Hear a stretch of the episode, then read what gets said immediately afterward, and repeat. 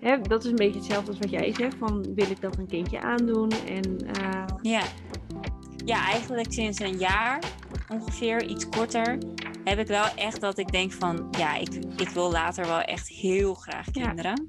Dit is Ongehoord. In Ongehoord de podcast praten we met mensen met een aandoening, mentaal, fysiek, en laten horen hoe zij zich voelen in de samenleving. En deze week gaan Aniek en Cindy van de Floor Academy in gesprek over gezin stichten. Welkom bij de nieuwe aflevering van Ongehoord de podcast. Wat leuk dat je weer luistert. Ik ben Aniek en ik ben de host van deze aflevering. En natuurlijk is Cindy er ook gezellig bij. We hebben een leuk programma voor vandaag. We gaan in gesprek over het stichten van een gezin. Hebben wij een kinderwens en hoe denken wij nu over het krijgen van kinderen in combinatie met onze aandoeningen? Cindy, jij hebt niet altijd een sterke kinderwens gehad. Hoe dat komt, gaan we het zo over hebben. Maar voordat we verder gaan, wil ik heel graag aan jou vragen hoe het vandaag echt met je gaat. Ja, nou, sowieso leuk dat we weer een uh, nieuwe aflevering aan het uh, opnemen zijn. Ja, hoe het vandaag echt met me gaat. Vandaag voelt me eigenlijk wel goed. Afgelopen week was eigenlijk nog een beetje hectisch. Uh, dat kwam door verschillende dingen. Gewoon op stage is het best wel een beetje druk en zijn wat dingetjes aan de hand waarvan ik uh, ja, eigenlijk er iets even over wil zeggen, maar dan weet ik ook weer niet zo goed hoe. En dan zit ik daar weer heel lang over na te denken. En daarnaast ligt mijn oma in het ziekenhuis. En gelukkig mocht ik gisteren eventjes langs bij haar. Maar er zijn natuurlijk nu door corona hele strenge regels nog. En uh, we hadden echt een hele onaardige Oh, nee. uh, verpleger. Die, uh, die was niet zo heel leuk. Dus uh, mijn opa die mocht s'avonds ook niet meer langskomen, omdat ik dus was geweest. Maar goed, ja, die heb je er ook bij zitten. Ja, dus het was eigenlijk een beetje druk deze week. Ik heb wel zeg maar een soort van mijn hoofd boven water gehouden. Maar ik merkte wel van, oké, ik moet nu wel eventjes gaan oppassen met wat ik ga doen en waar ik nu ja en nee op ga zeggen. Want het begon een beetje uit balans te raken, zeg maar. Dus daar ben ik nu een beetje mee aan het zoeken. Ja, ik denk dat het wel goed gaat komen. Maar vandaag voel ik me op zich prima en heb ik de energie en ja, gaat het wel lekker.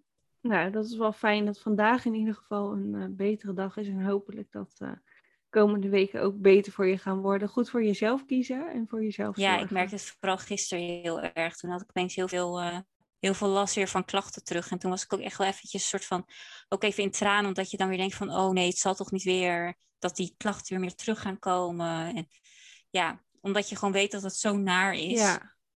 wil je dat gewoon niet, zeg maar. Dus, uh, maar goed, vandaag gelukkig niet. Dus laten we hopen dat het uh, zo blijft de komende tijd. Ja, nou, en gelukkig dat je wel energie had voor de podcast. Ja, ja daar, daar maak ik gewoon energie voor vrij. Ja. Vind ik ook gewoon heel leuk. Ja, nou, gezellig. Nou ja, het krijgen van een gezin is niet iets uh, wat vanzelfsprekend is. Het is echt een uh, klein wondertje wat in je groeit. En gelukkig heeft dat bij mij wel zo mogen zijn. Want ik ben op dit moment ben ik zwanger. Hoeveel weken ben je nu? Ik ben nu bijna 27 weken zwanger op het moment dat we dit opnemen. Dus als jij dit nu luistert, dan uh, ben ik waarschijnlijk ergens een beetje naar het einde toe al in mijn zwangerschap. Dus uh, ja, ik uh, ben al een eind op weg. Bij jou is het gelukkig gelukt? Ja, inderdaad. Maar dat is natuurlijk niet voor iedereen zo vanzelfsprekend dat het zomaar lukt. En ja, er zijn heel veel stellen die daar een lange weg voor moeten bewandelen om zwanger te raken. Dat is wel even iets wat ik wil benadrukken voordat we verder in gesprek gaan. Dan is het nu tijd voor de stellingen van deze week. De tweede stelling die we gaan behandelen, uh, die gaat over door mijn aandoening heb ik twijfels over het stichten van een gezin. En dat is uh, voor mij persoonlijk wel iets geweest waardoor er twijfels zijn ontstaan. Waarom dat zo is, daar gaan we het zo over hebben bij de tweede stelling. En dan gaan we nu eerst naar de eerste stelling. En die is, ik heb altijd een kinderwens gehad. Hoe is dat voor jou, Cindy? Nou, ik heb niet altijd sterk een kinderwens gehad. Ik had vroeger eigenlijk altijd iets, klinkt zo vroeger, ik ben nu 23, dus ik ben er sowieso nog niet heel erg uh, mee bezig. Ik heb ook geen relatie of zo, dus uh, ja, ik, het is niet iets wat me in principe nu heel erg bezighoudt van, oh, moet nu gebeuren of zo. Maar vroeger pas sowieso heel veel op, vanaf mijn dertien of zo. En ik vond, vind het altijd wel leuk met kinderen. En kinderen komen altijd wel heel snel op me af. Ik heb een soort aantrekkingskracht voor kinderen dat ze altijd met me willen spelen of zo op een of andere manier. Maar ja, ik, ik vond het altijd wel een soort van leuk, maar ik had niet zoiets dat ik dacht van, oh, ik wil heel graag een kind later. Het was meer dat ik dacht, zo van, het hoort erbij. Het, een kind krijgen, dat is iets wat erbij hoort, dus dan wil je dat ook wel. Dat was, dat was het eigenlijk meer. Maar nu sinds een jaar ongeveer. Ik vind sowieso hele kleine baby's als ze net geboren zijn. Dat vind ik dus iets op een of andere manier iets heel lastigs. Want dan denk ik, ze kunnen niet zeggen wat ze willen. Ze huilen alleen maar. En dan moet je een soort van, is een soort van gebarentaal wat ze willen. dat vind ik iets wat, uh, wat heel lastig is. Maar mijn, uh, mijn buurvrouw, waar we goede, tenminste mijn buren, waar we natuurlijk een goede band mee hebben, die is uh, vorig jaar april bevallen van haar eerste kindje. En uh, ja, eigenlijk door haar, door die, door die kleine meid, is echt fantastisch. Ze is echt om op te vreten. Dat ik echt, ja, eigenlijk sinds een jaar ongeveer, iets korter, heb ik wel echt dat ik denk van, ja, ik, ik wil later wel echt heel graag kinderen. Ja, mooi dat dat zo veranderd is. Doordat je eigenlijk een klein kindje in je omgeving hebt gekregen. En dat je daar dus anders naar bent gaan kijken. Ja, ook omdat ik gewoon vroeger dacht van ja, ik wil wel een kind. Maar ik voelde dat nooit echt zeg maar van binnen, weet je wel. Meer omdat je denkt van ja, een, soort van een kind hoort erbij. En ik vind, vind, kinderen wel leuk. Dus nou ja, dan, dan wil ik wel kinderen, denk ik.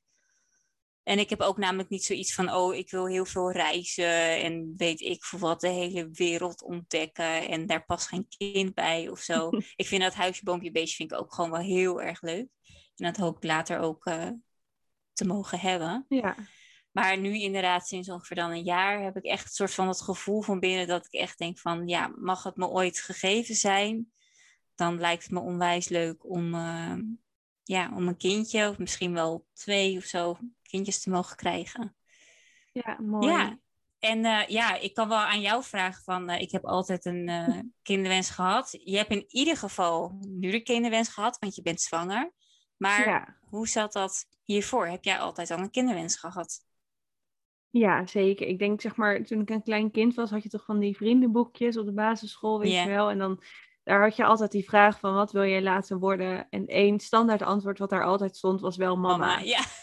Dus ik heb, zeg maar, altijd wel geweten uh, en gevoeld van, ik wil later heel graag moeder worden. Yeah. Um, mocht dat, zeg maar, ja, als je heel klein bent, je er nog niet zo bij stil uh, dat dat niet zo vanzelfsprekend is misschien.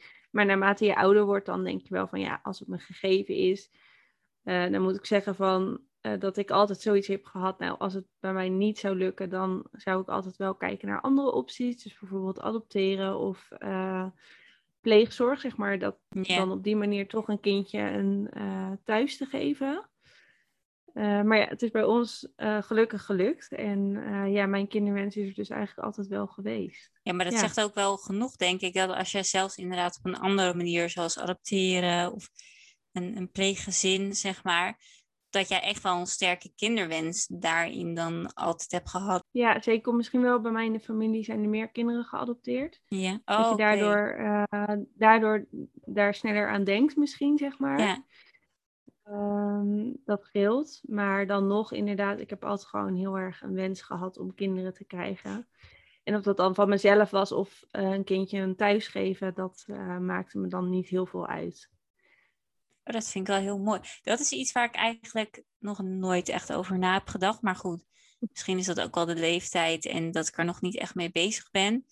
Want ik denk ook wel sowieso dat mocht het zeg maar niet hè, op de soort van makkelijke, natuurlijke weg lukken, dat ik dan inderdaad ook wel graag um, andere mogelijkheden zou willen proberen. Ik, ik heb dus ook, dat is misschien wel leuk om te weten, ik heb een soort van, nou niet echt fetish, maar ik weet niet hoe je, dat, hoe je dat zegt, maar iets wat ik heel erg leuk vind. En dat is dan op YouTube, zeg maar, bevalvideo's te kijken. Of uh, mensen die dus vertellen dat ze zwanger zijn en dat dan aan familie of vrienden gaan vertellen. En ook zeg maar de weg naar um, ja, hoe ze zwanger zijn geworden of hoe het in zijn zwangerschap gaat. Ja, ik, ik weet niet. Ik vind dat zo leuk om te kijken. Ik word daar helemaal, uh, ja, ik weet het niet. Zo leuk ja. om te zien. Of je voelt dan gewoon dat geluk van van die andere mensen. En daar kan ik dan ook gewoon echt blij van worden. Dus dat is een beetje een soort van uh, gekke tik van mij. Ook bevallingen vind ik leuk om uh, te zien. Ja, ik hoef niet de hele hè, ingezoomd op alles wat er gebeurt, maar zeg maar het verhaal um, ja, van hoe mensen ja, bevallen ja, zijn, vind, vind ik, echt. Uh, ja, vind je dat ook leuk om te zeker. zien? Ik, uh... Doe je dat nu ook meer, nu je zwanger bent? Um, kijken? Nou, ik kijk het altijd wel al veel. Um, maar ik merk nu zeg maar, dat ik soms juist denk... misschien moet ik even geen bevalverhalen kijken. Want zeg maar, straks moet ik zelf natuurlijk ook. Um, ja. ja, ik bedoel, moet er toch een keertje uit. En dan... Ja, moet er toch een keer uit. Het is erin gekomen, dus moet er ook uit. En dan denk ik van ja, misschien beter even niet kijken nu. Want uh, ja, niet alle verhalen zijn natuurlijk even rooskleurig. En, um, nee. Nee, dat dus, is maar wel over zwangerschap en zo, dat kijk ik allemaal wel. Uh, misschien inderdaad nu nog wel meer. En zeker dan ook die tegelijk met mij zwanger zijn. Want dan heb je heel veel herkenning daar weer in. Ja, ook superleuk. Ja, ja. dus dat, uh, dat kijk ik zeker. Ja, dat vind ik ook heel leuk. Nou, hebben, hebben we dat ook nog met elkaar gemeen? Het is, uh, ik ben benieuwd of meer mensen zich daar eigenlijk in herkennen. Want ik voel me altijd een soort van alsof ik de enige ben die dat helemaal fantastisch vindt om te zien. ik denk dat meer vrouwen dit wel hebben. Nee. Nee, ik denk dat wel meer vrouwen dit hebben. Gok ik hoor. Maar anders dan zijn wij alle twee een beetje. Ja, of die al moeder zijn, dat zou natuurlijk ook nog kunnen. Ja. Maar goed, ja, dat, in ieder geval, dat vind ik dus heel erg leuk. Wij zijn benieuwd of dat ook een fetish van jou is. Of fetish is niet het goede woord, maar laat het weten op social media. Een interesse. Ja, interesse, inderdaad. Ja. We gaan door naar de volgende stelling. Door mijn aandoening heb ik twijfels over het stichten van een gezin.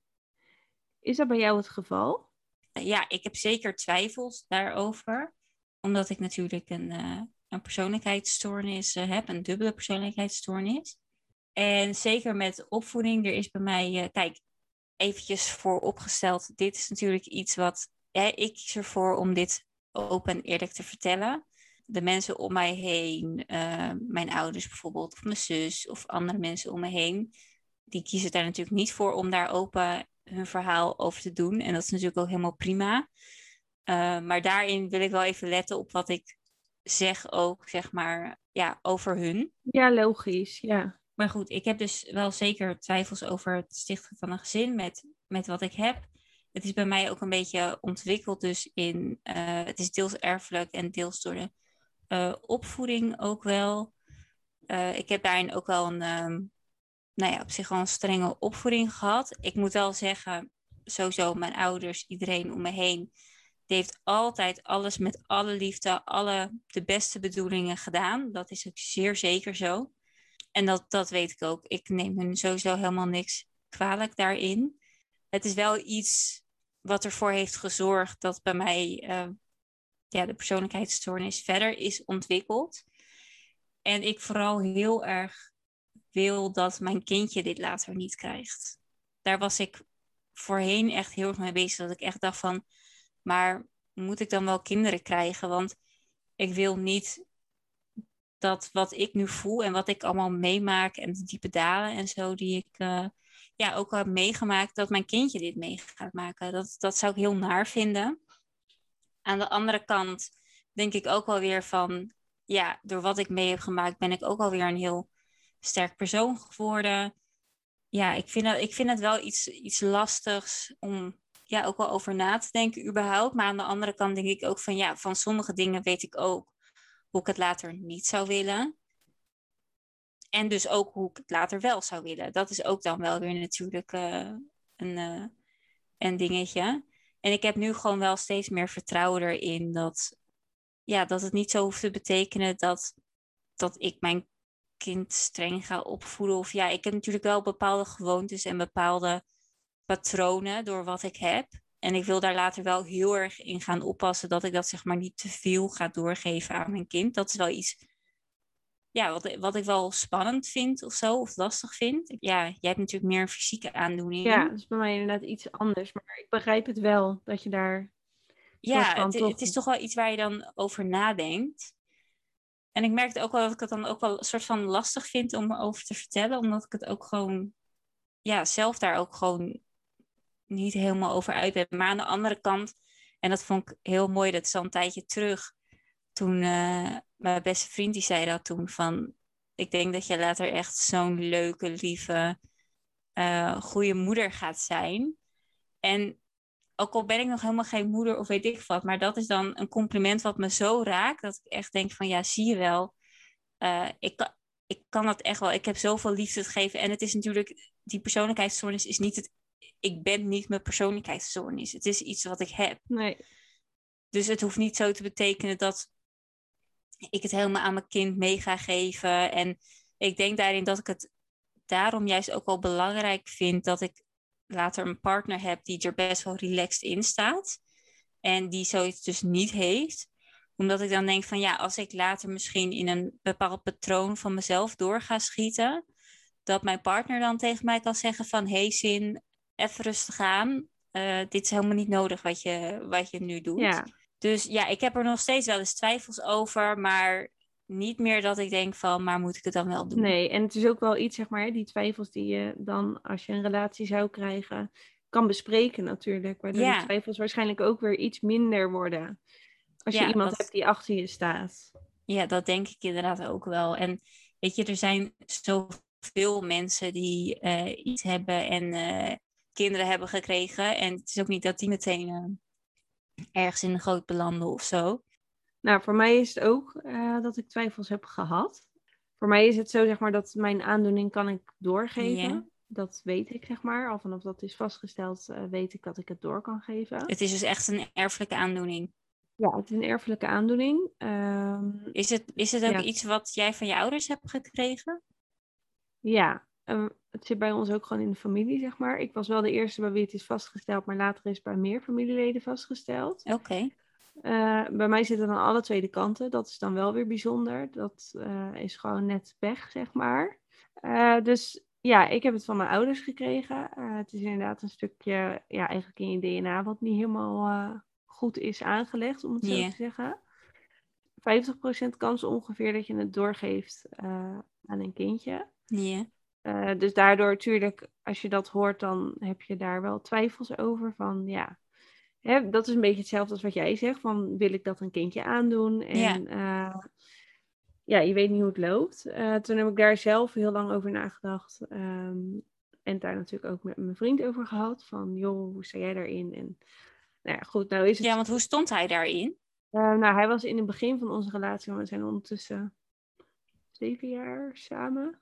Ja, zoiets.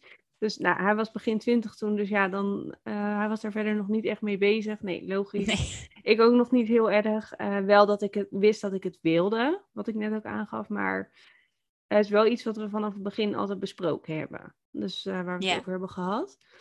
voor mij was het wel heel erg zo van, um, als ik kijk naar mezelf, ik ben niet ongelukkig door wat ik heb, zeg maar. Nee.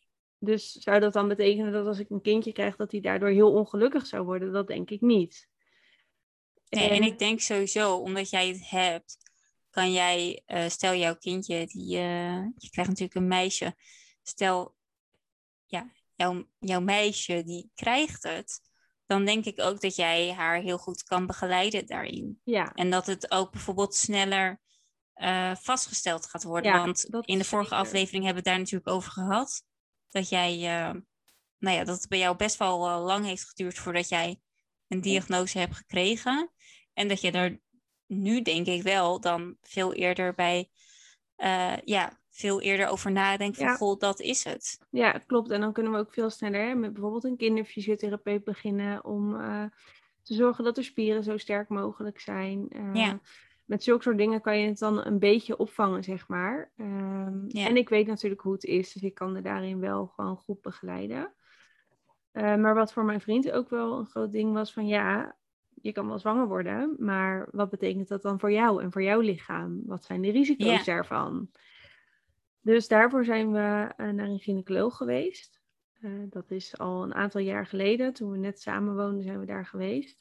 dat is gewoon iets waar je naartoe, ja, als je een aandoening hebt uh, die erfelijk is, mag je altijd naar een gynaecoloog en dan kun je altijd je vragen daar zeg maar stellen. Dat is heel fijn. Dus het was eigenlijk iets al voordat jullie er echt mee bezig waren van we gaan het nu proberen. Ja.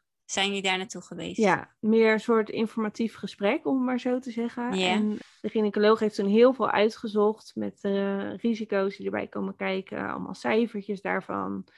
Nou, dat hebben we dus allemaal meegenomen. En nou ja, goed, het risico, ik heb wel meer risico's dan een gezonde vrouw.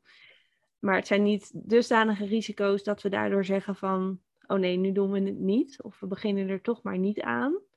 Ja, wij hebben dat inderdaad op die manier gedaan. En dat is iets wat veel mensen volgens mij niet weten. Dat je gewoon bij een gynaecoloog terecht kan met zulke vragen. Ja, ik vind dat wel een hele mooie inderdaad. Ook wel een, eh, een mooie tip Ja, voor luisteraars. Ja, want nu jij dat ook zegt, denk ik opeens... Ik zat net, jij was aan het vertellen en ik was aan het nadenken van... Is dat van mij eigenlijk erfelijk? En, want wat ik heb is echt dus een hersenaandoening. Hè? Dat is officieel zo... eh, ja, dat, dat schijnt officieel echt een hersenaandoening. Iets in je hersenen te zijn. Wat dus deels door genetisch bepaald is en deels door je omgeving. Ben ik eigenlijk ook wel heel erg benieuwd of het iets is wat ik echt zeg maar soort van echt door kan geven. Of dat dat iets is wat helemaal niet per se zo hoeft te zijn. Dat ik ook meteen aan het denken gezet word door wat jij zegt. Van, oh, ik weet eigenlijk niet. Volgens mij is er wel iets van erfelijkheid zit erin, denk ik. Maar niet zo erg volgens mij als dat het bijvoorbeeld bij jou is. nee, nou dat zou je inderdaad, dat is gewoon een mooie om uit te zoeken. ehm, voordat je actief Ja. hè, ermee bezig gaat. Nee, ik vind dat een hele, hele mooie. En ik denk juist dat het heel erg slim is om te doen. Ook in plaats van er gewoon in te gaan. En dat je achteraf een soort van met je neus op de feiten wordt gedrukt van, oh ja, oké, dat is dus zo. En, want we hadden het eventjes natuurlijk nu over jouw, eh, jouw eigen klachten. Want volgens mij, hè, wij spreken elkaar natuurlijk ook gewoon Ja. door de week. Heb jij wel meer klachten dan een, zeg maar, even tussen haakjes, normale, gezonde zwangere vrouw? Ehm, ja, nou, dat weet ik niet zo goed. Ehm, nu ben ik natuurlijk meer in contact met vrouwen die een beetje rond dezelfde tijd zijn uitgerekend. En ik heb dit Ja. dus nooit geweten voordat ik zwanger was. Eh, maar de klachten die ik heb, dat ervaren echt heel veel andere vrouwen. En er zijn ook vrouwen. Want wat voor klachten heb jij eventjes? Nou, eh, ik heb vooral heel erg last van hele erge bekkeninstabiliteit. En ik heb nu de laatste week ook last van harde buiken. Maar de voornaamste, de ergste klacht is bij mij mijn bekkeninstabiliteit. Maar er zijn ook gewoon vrouwen die er echt nog veel slechter aan toe zijn door de zwangerschap. En die hiervoor gewoon fulltime konden werken. Eh, ik had daar nooit Ja. zo bij stilgestaan, zeg maar, totdat ik zelf zwanger was. Dat dat zoveel deed. ja, want ik had best wel het idee dat het bij jou... eh, kijk, inderdaad, veel vrouwen hebben natuurlijk bekkeninstabiliteit. Ik had het idee dat bij jou de mate van bekkeninstabiliteit wel wat erger was, zeg maar, dan bij een gezonde vrouw, Ja. zeg maar. Zeker qua hoeveel weken je nu zwanger bent. Ja, nou, dat is inderdaad, het zal iets erger zijn, maar dat komt ook bij mij door het auto-ongeluk ook nog eens natuurlijk, omdat mijn bekken daarbij zijn beschadigd. Ja. Ehm, dus dat is iets wat bij mij meespeelt. Maar er zijn ook vrouwen met bekkeninstabiliteit die helemaal niet meer kunnen lopen. En ik kan nog wel een stukje lopen, zeg Maar maar. je moet eigenlijk nu de hele dag op bed liggen, hè? Want je zit nu eventjes eh, ja, ik moet achter nu je computer om, om op te nemen. nu, eh, Maar we hebben natuurlijk eh, van de week bijvoorbeeld een, hebben wij een opname hebben we uit moeten stellen. Ja, Omdat jij dus inderdaad harde buiken had die ook niet meer weggingen. nee, klopt inderdaad. Dus toen moest ik, nou nu nog steeds eigenlijk, moet ik echt wel even rustig aandoen. Klopt. Maar ja, dat is iets wat wel meer vrouwen ook hebben, schijnbaar. Ik wist dat helemaal Oké. niet.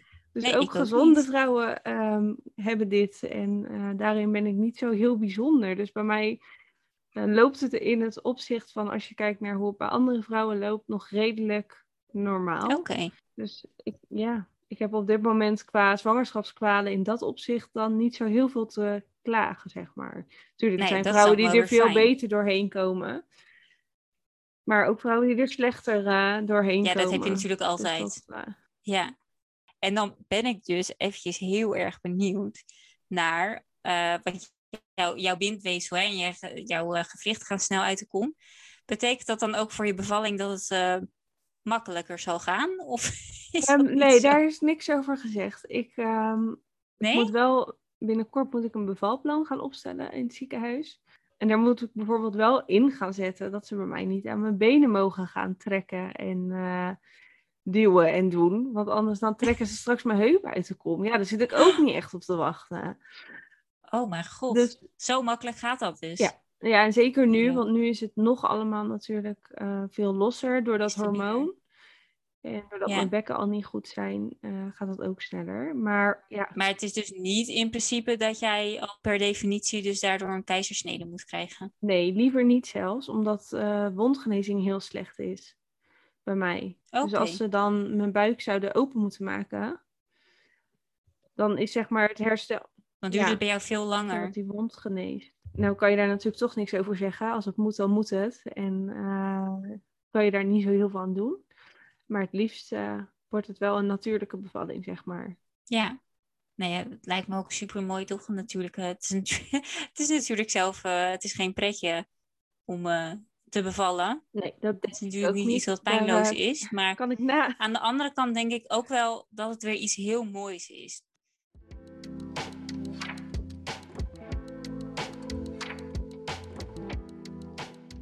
We hebben nu deze twee stellingen behandeld. En ik Ja. vraag me af van wat is de tip die jij uit deze twee stellingen hebt eh, gehaald voor jezelf? Of wat is de tip die je mee wilt geven aan anderen?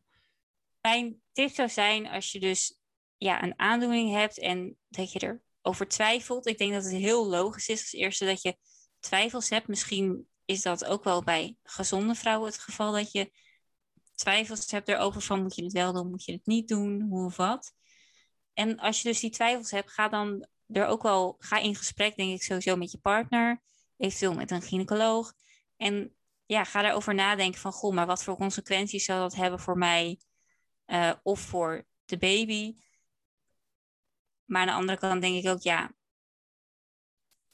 ik ben in principe gewoon een soort van, ik zie mezelf wel als een soort van normaal persoon. Ik heb alleen toevallig ook een aandoening eh, erbij, maar ik ben niet mijn aandoening.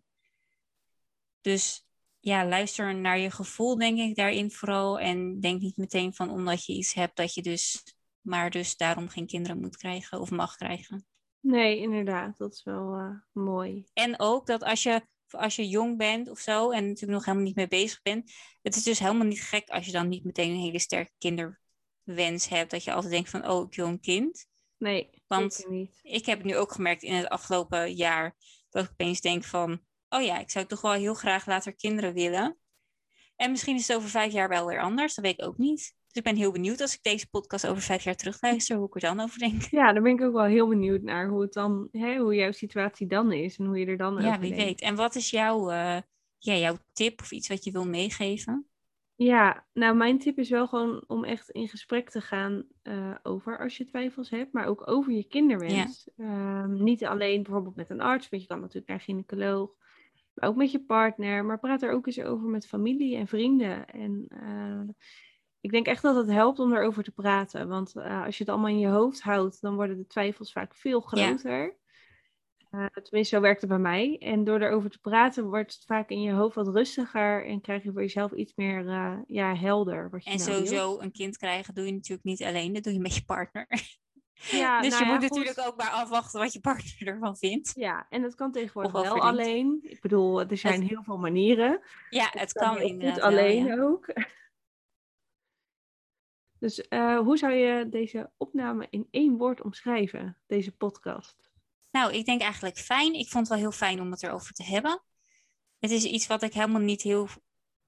Wat ik ooit echt heb besproken of zo over kinderen krijgen. Ook omdat ik daar nog niet per se leeftijd eh, voor heb om eh, echt aan kinderen te beginnen of zo. Maar ik vind daarom ook juist wel leuk om met jou erover te hebben gehad. Omdat jij dus al zwanger bent en ook iets van een aandoening hebt. Vond ik het, wel, ja, vond ik het eigenlijk gewoon een heel fijn gesprek. Mijn woord is inspirerend, want ik vind het mooi om te horen eh, hoe het bij jou is en eh, hoe jij erover denkt. En ik vind het ook een fijn onderwerp om over in gesprek te gaan en eh, om te horen ja, hoe jij tegen dingen aankijkt en wat jouw gedachten daarover zijn. Ja, ik denk sowieso iets dat het, niet, dat het iets is waar niet heel veel over gepraat wordt. Nee. Zeker in combinatie met een aandoening hebben. Vaak natuurlijk ook als dingen, hè, als zwanger worden niet lukt, is het iets wat eigenlijk ook heel vaak verzwegen wordt. Of waar je het niet met veel mensen over hebt. Nee, klopt inderdaad. Dus ik denk ook wel dat een. eh, ja, ik vond het ook wel heel mooi om het erover te hebben. Ja, ik ook. Nou, dat is fijn. Let op, even een korte disclaimer. Wat wij net hebben besproken is hoe wij dingen zien en ervaren. Jij kan hier natuurlijk op een andere manier naar kijken en dit op een andere manier ervaren. Heel erg bedankt voor het luisteren naar deze podcast. We hopen natuurlijk dat jij hem net zo leuk vond om te luisteren als dat wij het vonden om deze podcast voor jou te maken. Luister je volgende keer weer naar de nieuwe aflevering? Mocht je nog vragen aan ons hebben over deze aflevering, mag je ons natuurlijk altijd een berichtje sturen via de socials. Tot de volgende Tot de keer. volgende keer, inderdaad. Het zit er alweer op voor deze week. Bedankt voor het luisteren naar Ongehoord. We zijn heel benieuwd wat je ervan vond. Dus laat het ons weten via Floor Academy op Instagram en Facebook. Samen werken we aan een wereld waarin iedereen gehoord wordt. Tot de volgende aflevering.